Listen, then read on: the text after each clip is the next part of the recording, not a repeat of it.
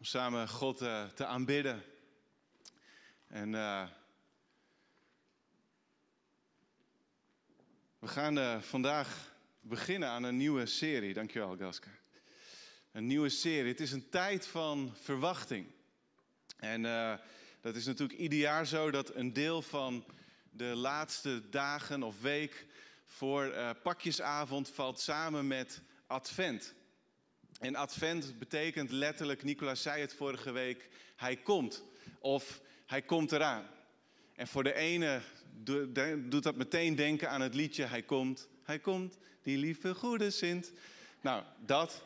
Ehm, en voor de ander is het Hij komt, hij komt, Immanuel. Dus allebei Hij komt, Immanuel. Of Sinterklaas. Um, het is om het even, of niet? Nee. um, nee, Emmanuel, dat betekent God met ons. Jesaja die schreef die naam op voor de Messias, voor de Zoon van God, die op een dag zou komen en die de naam Emmanuel zou krijgen. En zo'n beetje 700 jaar nadat deze woorden zijn opgeschreven, kwam ook de Zoon van God en woonde God onder ons, lichamelijk, in de persoon van Jezus. Hij komt. Sinterklaas die komt met cadeautjes. En laten we eerlijk zijn, niet voor iedereen evenveel. De verdeling is niet helemaal eerlijk. Maar Sinterklaas die komt met cadeautjes. En als je het journaal volgt, ik bedoel dan natuurlijk het Sinterklaasjournaal, dan weet je dat het echt even spannend is geweest of er dit jaar ook cadeautjes zouden komen. Uh, de, de pakjesruim zat op slot, de sleutel die was kwijt. En letterlijk tot gisteravond was de sleutel nog steeds onvindbaar. Maar hij werd gevonden door baby Piet. Het was de goede sleutel. En de sleutel die paste. En letterlijk, vooral onze oudste zoon, toen de sleutel paste en de deur openging, hij veerde op van de bank en hij juichte van enthousiasme. Het komt toch nog goed. Echt waar, het komt toch nog goed. Zo, zo riep hij. En uh, wij waren heel blij met hem natuurlijk. Maar ik hoop dat dat gejuich en dat enthousiasme, dat we dat ook hebben als we denken aan de grote verscheidenheid van cadeaus en giften en gaven die God voor ons heeft. En die hij gelijkelijk wil uitdelen aan iedereen, voor iedereen. Het is fantastisch wat, waar we aan denken bij kerst, wat er wordt gegeven.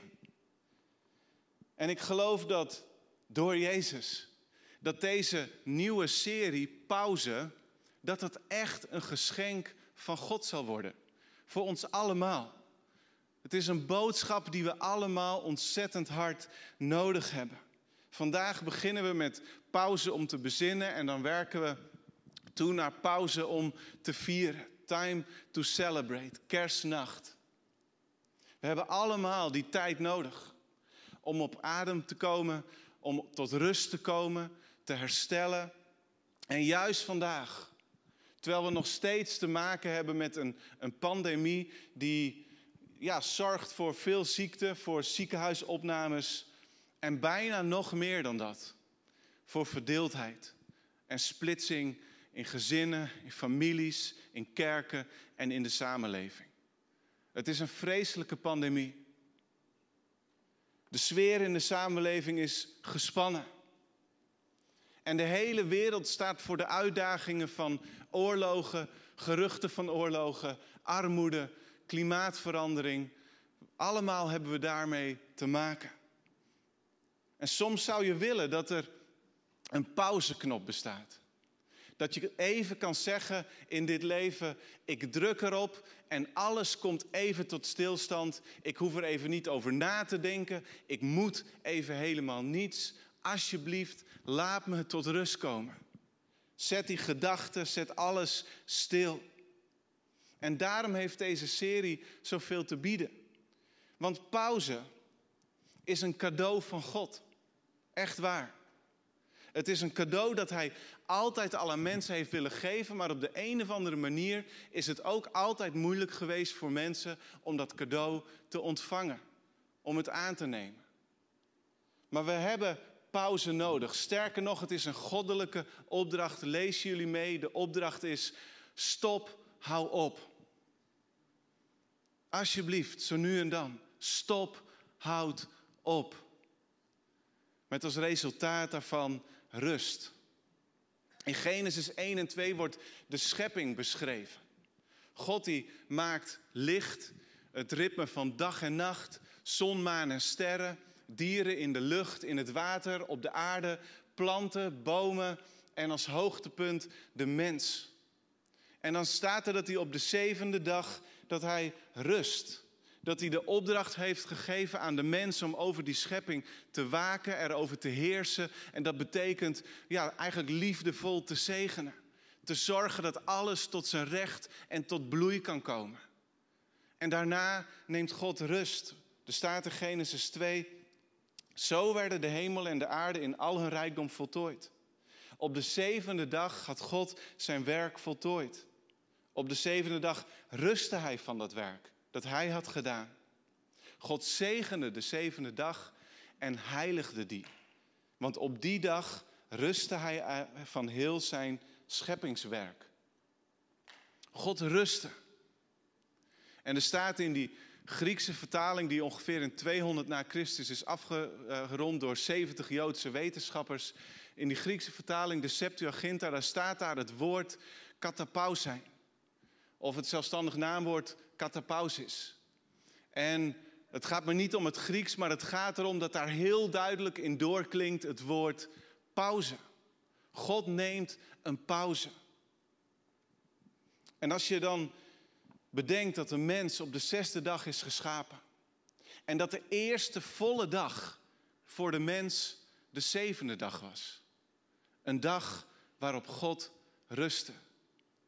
Mike Green die die beschrijft dat ontzettend mooi in zijn boek Een cultuur van discipelschap. En hij zegt, de eerste ervaring die we als mens opdeden met onze schepper was een dag van rust.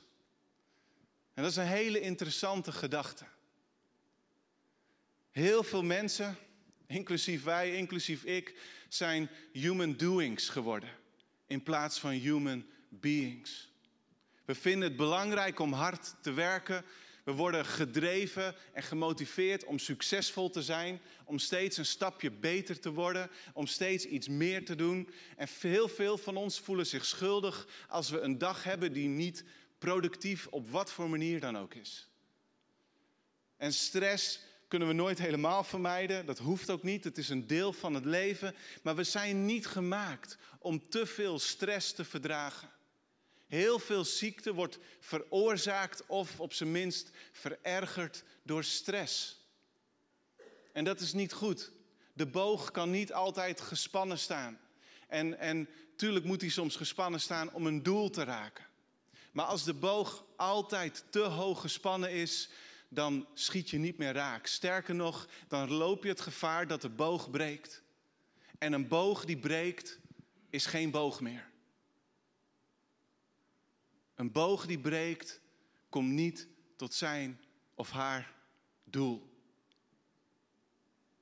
En God heeft iets heel anders voor ons bedacht dan dat we onze identiteit zouden bouwen op onze activiteit.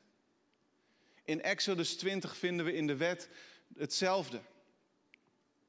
Of eh, vinden we ook die opdracht tot een sabbatsdag, een rustdag. En wat heel heel erg tot ons moet doordringen, is dat die opdracht tot sabbatsrust in hetzelfde rijtje staat als pleeg geen moord, pleeg geen overspel, stil niet. Op hetzelfde niveau staat stop, houd op, neem rust, kom tot stilstand. Er staat in Exodus 20 staat het zo: houd de sabbat in ere als een heilige dag. Want in zes dagen heeft de Heer de hemel en de aarde gemaakt. En de zee met alles wat er leeft. En op de zevende dag rustte hij. Daarom heeft de Heer de Sabbat gezegend en geheiligd. En in Leviticus 23 wordt dit gebod nog een keer herhaald. En daarbij worden ook feesten gegeven. Hele weken waarin alles tot stilstand komt en de volledige focus op God wordt gelegd. Wie is God? Wat heeft Hij gedaan? Wat doet Hij vandaag? En wat gaat Hij nog doen? Het zijn dagen, weken waarin de aandacht helemaal op God en op elkaar is. En ik vind het zo belangrijk dat ik ook de woorden daar wil lezen. Leviticus 23. De Heer zei tegen Mozes, zeg tegen de Israëlieten. Dit zijn de hoogtijdagen van de Heer, die je als heilige dagen samen moet vieren. Dit zijn mijn hoogtijdagen. Zes dagen kun je werken, maar de zevende dag is het Sabbat. Een dag van volstrekte rust, die je als heilige dag samen moet vieren. Je mag die dag geen enkele bezigheid verrichten. Waar je ook woont, het moet een rustdag zijn die aan de Heer gewijd is. Dit zijn de hoogtijdagen van de Heer, die je als heilige dagen samen moet vieren, elk op de aangewezen tijd. En dan worden al die weken van Loofhuttenfeest en Pesach en het Wekenfeest worden uitgewerkt.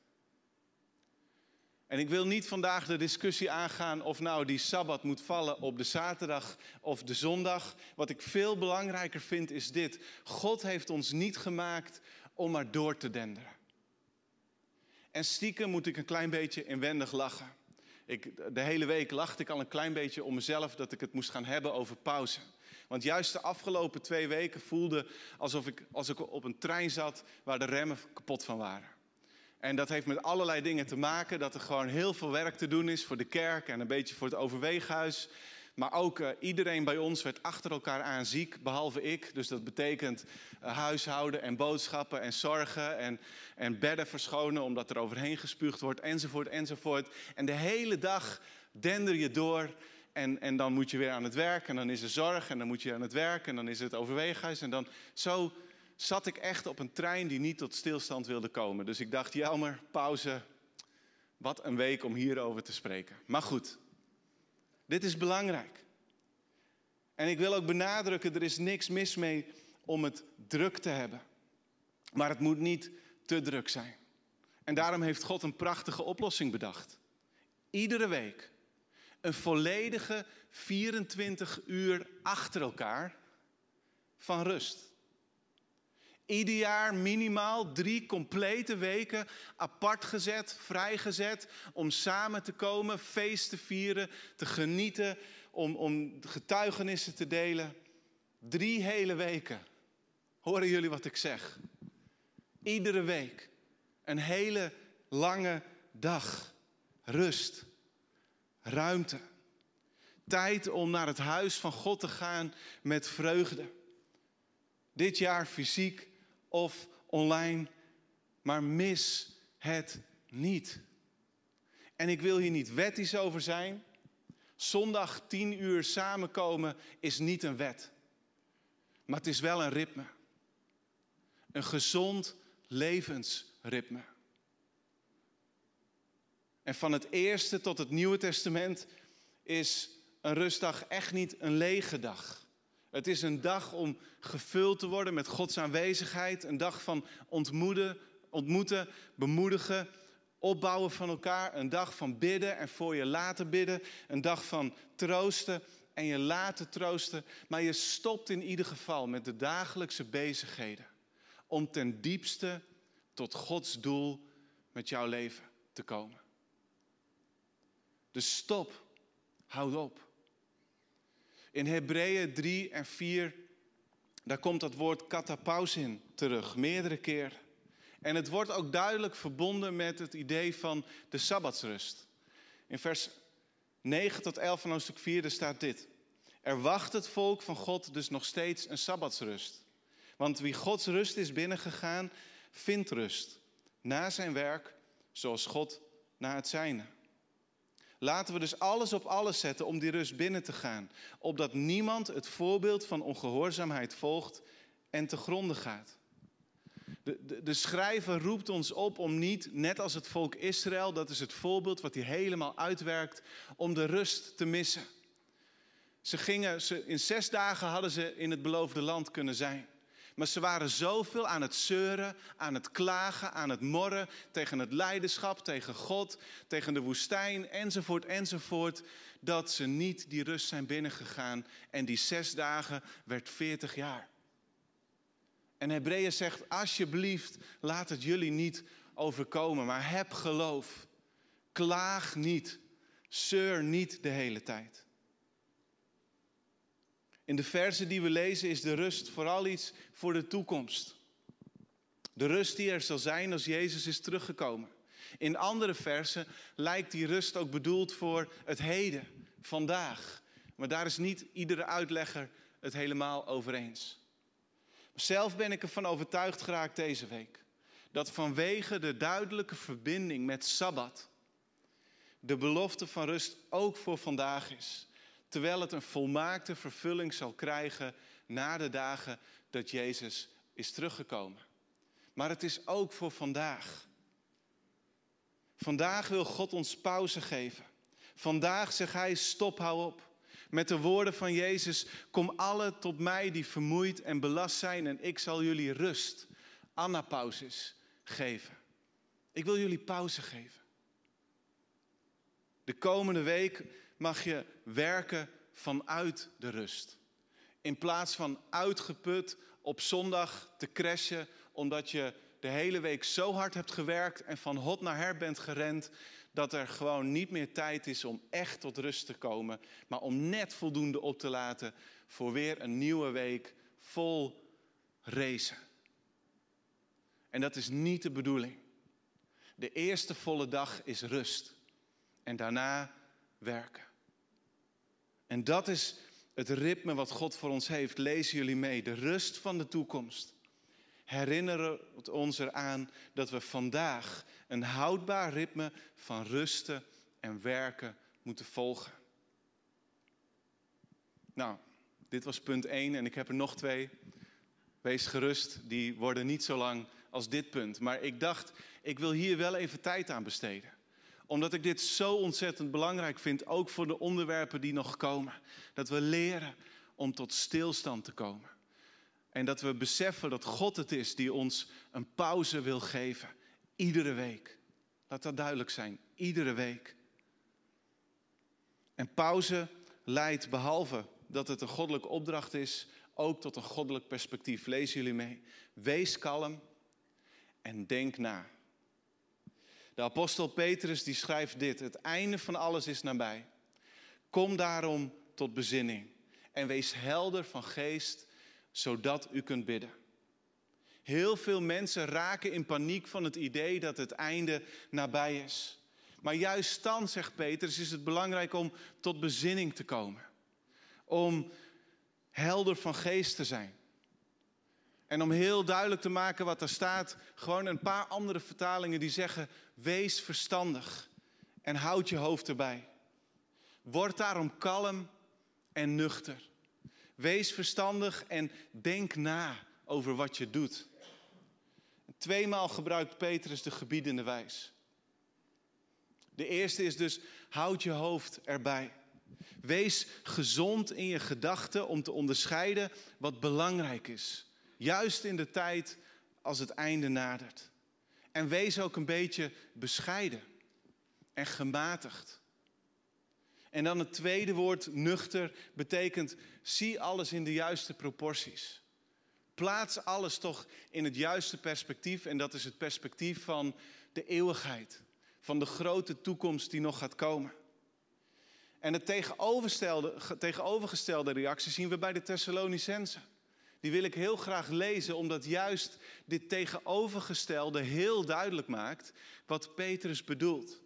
De Thessalonicensen reageerden als volgt en Paulus die schrijft erover. Broeders en zusters, over de komst van onze Heer, waarbij we met Hem worden verenigd, zeggen we, verlies niet meteen uw verstand. En raak niet in paniek. Wanneer een profetie, een uitspraak of een brief die door ons zou zijn geschreven, het voorstelt alsof de dag van de Heer al is aangebroken. Nou, ik hoef denk ik niet heel veel moeite te doen om aan te tonen dat we leven in een tijd vol paniek, vol hete, uh, gebakerde reacties, vol heetgebakerde woorden. Er wordt snel gereageerd en dat komt vaak niet de inhoud of de toon ten goede. Op social media is het overduidelijk, maar ook op plekken waar je verwacht dat er nog iets meer bezonnenheid is, daar wordt het, de, wordt het debat gevoerd niet meer op de inhoud, maar op de persoon. Er wordt niet meer rustig en wel overwogen nagedacht. Mensen die het niet eens zijn met elkaar, die debatteren op de persoon. Beoordelen van andermans ideeën en plannen is al heel snel veroordelen. Verschil van inzicht, wat prima kan zijn, Ulke die zei het zo ontzettend goed, leidt al heel snel tot de conclusie, wij zitten in een verschillend kamp. En niet rustige overweging, maar angst is vaak de motivatie voor de reactie en het handelen. En dus is het advies van Petrus goud waard. Ten eerste omdat het leidt tot veel zorgvuldiger, rustiger gesprekken. En ten tweede, dat is het allerbelangrijkste, omdat je dan voldoende tot rust komt om te bidden. En dat vind ik zo opvallend. Gebruik je verstand. Wees nuchter. Met welk doel? Zodat we kunnen bidden. En voor wie kun je dan gaan bidden? Voor iedereen. En dat is nogal lastig deze dagen. Ik zie christenen meedoen aan belasteren en beledigen in plaats van bidden en zegenen. Terwijl Paulus, helemaal in lijn met wat Petrus hier schrijft, het volgende zegt. 1 Timotheus 2. Allereerst vraag ik dat er voor alle mensen wordt gebeden. Dat er smeekbeden, voorbeden en dankgebeden voor hen worden uitgesproken. Bid voor koningen. Bid voor gezagsdragers opdat we rustig en ongestoord kunnen leven in alle vroomheid en waardigheid. Als we het niet eens zijn met demissionair premier Mark Rutte, dan moeten we hem toch niet Adolf Rutte noemen. Als we ons niet kunnen vinden in wat Hugo de Jonge zegt, dan noemen we hem toch niet Hugo Mengelen. En tot mijn verbazing zie ik broeders en zusters dit doen op social media. En als er iemand reageert op hun tirade van boosheid over alles en er reageert iemand met die woorden, zeggen ze er helemaal niks van en laten het gewoon staan. En ik word serieus waar ontzettend verdrietig.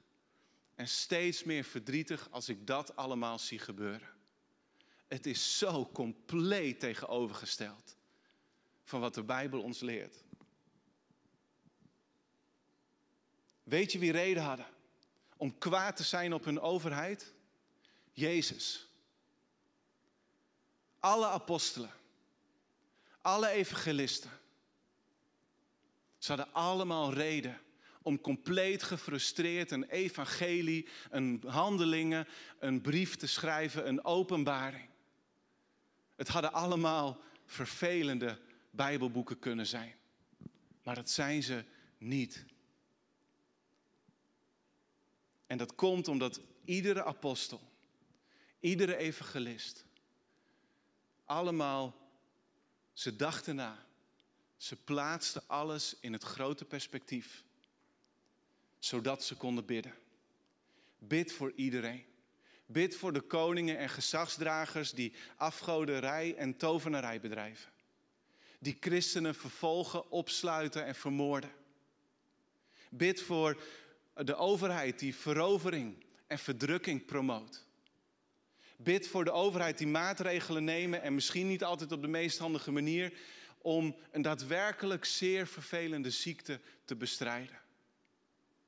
Bid voor een overheid die grandioos de mist in ging door de wet op de letter keihard toe te passen, waar duizenden gezinnen slachtoffers van zijn geworden.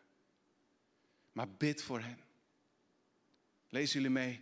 Iedereen van ons heeft de opdracht om allereerst te bidden voor alle mensen.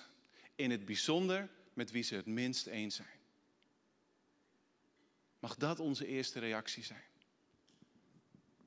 En rust. En gebed. Dat zijn belangrijke ingrediënten voor het laatste punt. Een goddelijke levensstijl. Spreek en doe als Jezus.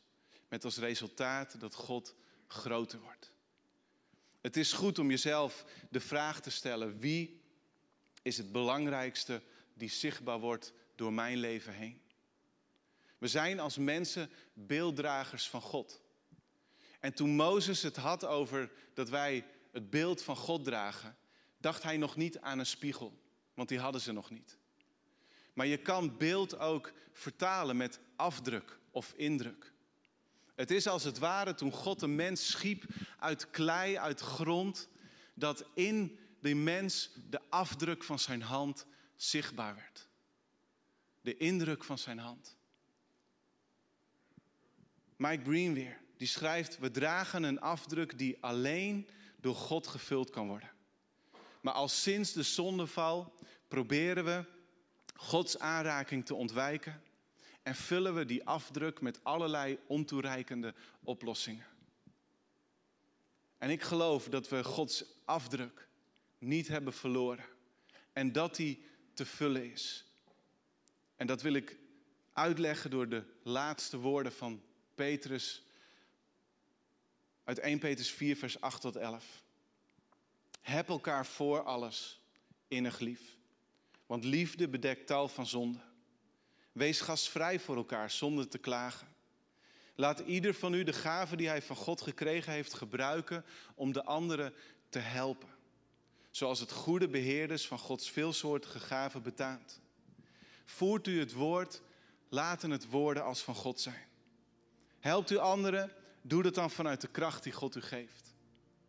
Want zo doet u alles tot eer van God, dankzij Jezus Christus, aan wie alle eer en macht toekomt, tot in alle eeuwigheid. Amen. Er staat bij dat help anderen, er staat doe dat dan vanuit de kracht die God jullie geeft. En ik denk dat, dat die bijzin, dat die geldt voor al het voorafgaande. Heb elkaar lief. Steun elkaar. Zet je gaven in. Help elkaar. Vanuit de kracht die God geeft. Nicola wees me daarop deze week. Er staat een heel mooi woord. Uh, in het Grieks. Go, um, goregeo. Dat betekent geven of verlenen. En een goregos was iemand die eigenlijk vanuit eigen middelen, vanuit eigen zak, voorzag in alle middelen die nodig waren voor een stuk theater of toneel. En zo was hij eigenlijk een sponsor van dat wat daar moest gaan gebeuren. En zo is God onze hemelse sponsor. Onze hemelse voorziener. Die ons geeft alles wat we nodig hebben om lief te hebben. Om, om anderen te helpen. Om tot zegen te zijn. Om al die gaven in te zetten tot de opbouw van de gemeente, van de mensen om ons heen. En het gevolg daarvan is dat God wordt geëerd. Letterlijk, God wordt verheerlijkt. God wordt zwaarder gemaakt. Hij wordt gewichtiger. Met andere woorden, hij wordt groter. Dus wie is het belangrijkste? Wie wordt het meest zichtbaar in jouw leven? Ik spoor jullie vandaag aan. Lezen jullie mee. Ons spreken en ons doen, al onze woorden, alles wat we doen, moet God gewichtiger, belangrijker en dus groter maken in en door ons heen. Jongens, we hebben pauze nodig om te bezinnen. Om even te stoppen en tot stilstand te komen. Iedere week. En dat helpt ons om kalm te worden. Om na te denken voordat we iets zeggen. Voordat we iets online gooien. Voordat we een gesprek aangaan. Denk na. Wees verstandig. Overweeg je woorden. Plaats alles in een groter perspectief dan misschien het vervelende van dit moment. En alsjeblieft, maak God de allergrootste in en door jouw leven heen. Zullen we met elkaar bidden? Vader in de hemel, we danken u wel voor deze Sabbat, voor deze heilige dag.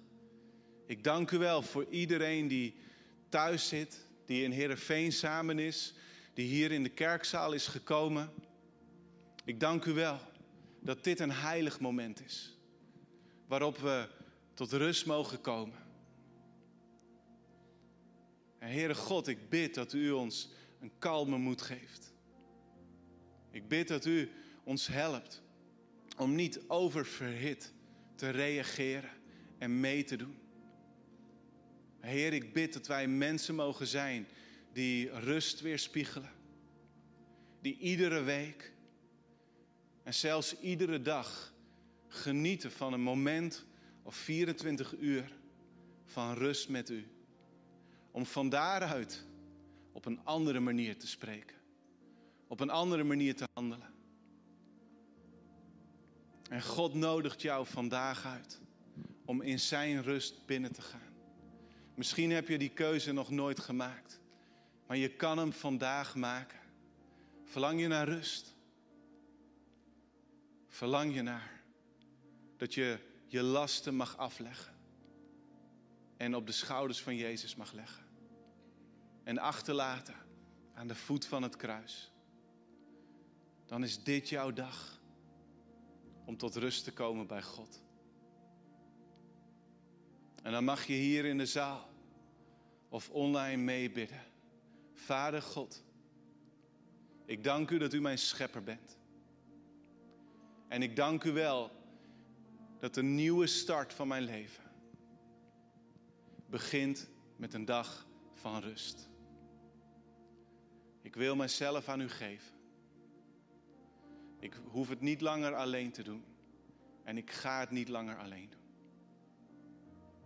Ik aanvaard het werk van Jezus om mij vrij te kopen, om mijn leven te geven, een eeuwig leven.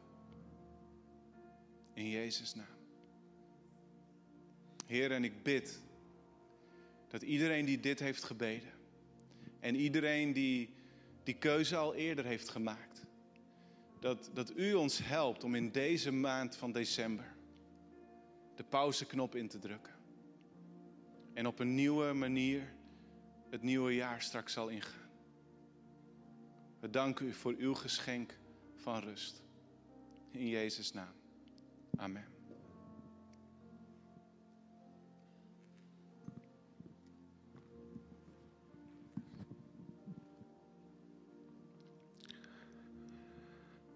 We zijn bij het avondmaal, het moment van het avondmaal, aangekomen. Pauze om te bezinnen. Pauze ook om onszelf te onderzoeken, onszelf te beproeven. Zeker naar aanleiding van de prachtige woorden die we hebben gehoord. De mooie overdenking over hoe belangrijk het is dat we alles in het juiste perspectief plaatsen. Onze eigen houding, onze eigen gedragingen, onze gedachten, onze gevoelens.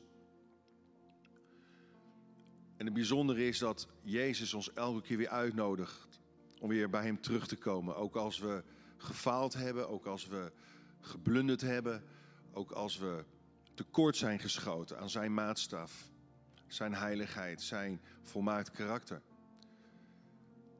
En ook op dit moment hoop ik, ook als je thuis bent, dat je wat, wat wijn of druivensap en wat matzes of brood klaar hebt liggen. Ook in het teken van Advent, de tweede Adventszondag vandaag, wil ik iets lezen uit Openbaring hoofdstuk 12. En misschien denk je, ja, wat heeft dat nou met Advent te maken? Nou, heel veel. Want daar wordt beschreven hoe de vrouw zwanger raakt. En het gaat natuurlijk ook over Maria.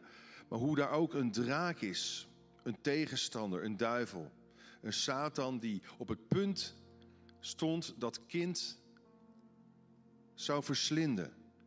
Zodra ze het gebaard zou hebben. We weten dat koning Herodes nu vanuit de geschiedenis alle eerstgeboren jongetjes tot, tot twee of drie jaar oud heeft laten omkomen. In de buurt daarvan van Bethlehem.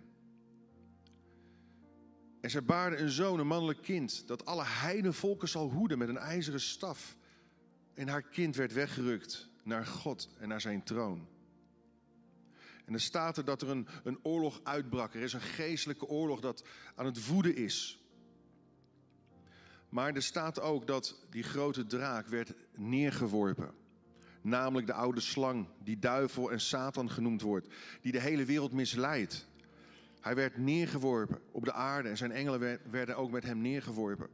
En ik hoorde een luide stem in de hemel zeggen: Nu is gekomen de zaligheid, de kracht en het koninkrijk van onze God en de macht van zijn Christus. Want de aanklager van onze broeders, die een dag en nacht aanklaagde voor onze God, is neergeworpen, is verslagen, is overwonnen. Ze hebben hem overwonnen. En er zijn de mensen die van Jezus blijven getuigen tot het einde toe, die volharden in het geloof. Ze hebben hem overwonnen door het bloed van het lam. En door het woord van hun getuigenis. En ze hebben ten derde hun leven niet lief gehad tot in de dood. Lieve mensen, daarom is dit zo ongelooflijk belangrijk. Dat we het avondmaal vieren tot ons nemen. En dat we dit ook beseffen. Dat we de duivel alleen maar kunnen overwinnen door het bloed van Jezus Christus. Het lam van God. Dat de zonde van deze wereld heeft weggedragen. Aan het kruis heeft Jezus de duivel ontroond en verslagen. Maar dat niet alleen, door het woord van ons getuigenis. Daarom is het zo belangrijk om te prijzen, om te zingen, om te aanbidden. Om de woorden van God ook in gebed hardop uit te spreken. Niet zachtjes, maar hardop. Om de belofte van God uit te spreken. Om het leven van Jezus uit te spreken. Het bloed van Jezus uit te spreken over onze gezinnen. Over onze bedrijven. Over ons werk. Over onze bediening. Het bloed van Jezus reinigt van alle zonden. En ze hebben hun leven niet lief gehad tot in de dood. Met andere woorden, ze hadden een houding van nederigheid, een houding van zelfopoffering, een houding van sterven aan zichzelf. Het kruis dragen, elke dag opnieuw. Zodat het leven van Jezus ten volle kan doorbreken. Daarom verblijdt u hemelen. En u die daarin woont. En zo nam de Heer Jezus het brood. En ik stel voor dat we allemaal het brood pakken. En Jezus, hij, hij sprak ook een zegen uit en hij, hij brak het. En hij zei, neemt en eet. En als je een kind van God bent, als je weet dat je gered bent door het bloed van Jezus Christus, door zijn genade, dan ben je ook welkom om mee te doen. En hij zei, neemt, dit, is, dit, is mijn, dit vertegenwoordigt mijn lichaam en eet allen daarvan. Zullen het tot ons nemen.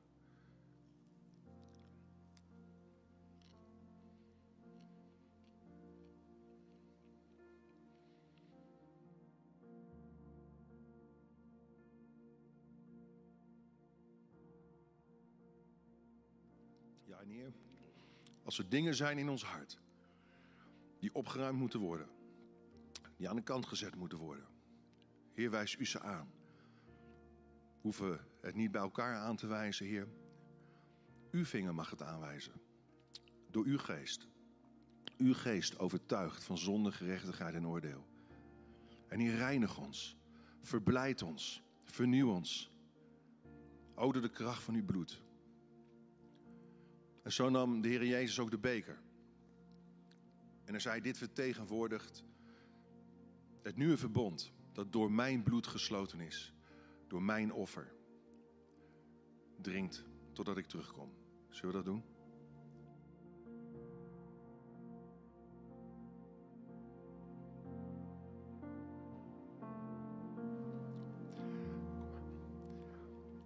Zullen we met z'n allen gaan staan, lieve mensen? En genieten van dit waardige moment. Dit moment van pauze. Om na de bezinning te gaan jubelen, God groot te maken. Ons te verheugen in zijn kracht, in zijn overwinning, dat beleiden, dat uitspreken. En dat ook de genezende kracht van Jezus mag doorwerken in onze lichamen, in onze emoties, in onze gedachten. En ons mag herstellen. In Jezus' naam, wees zo gezegend.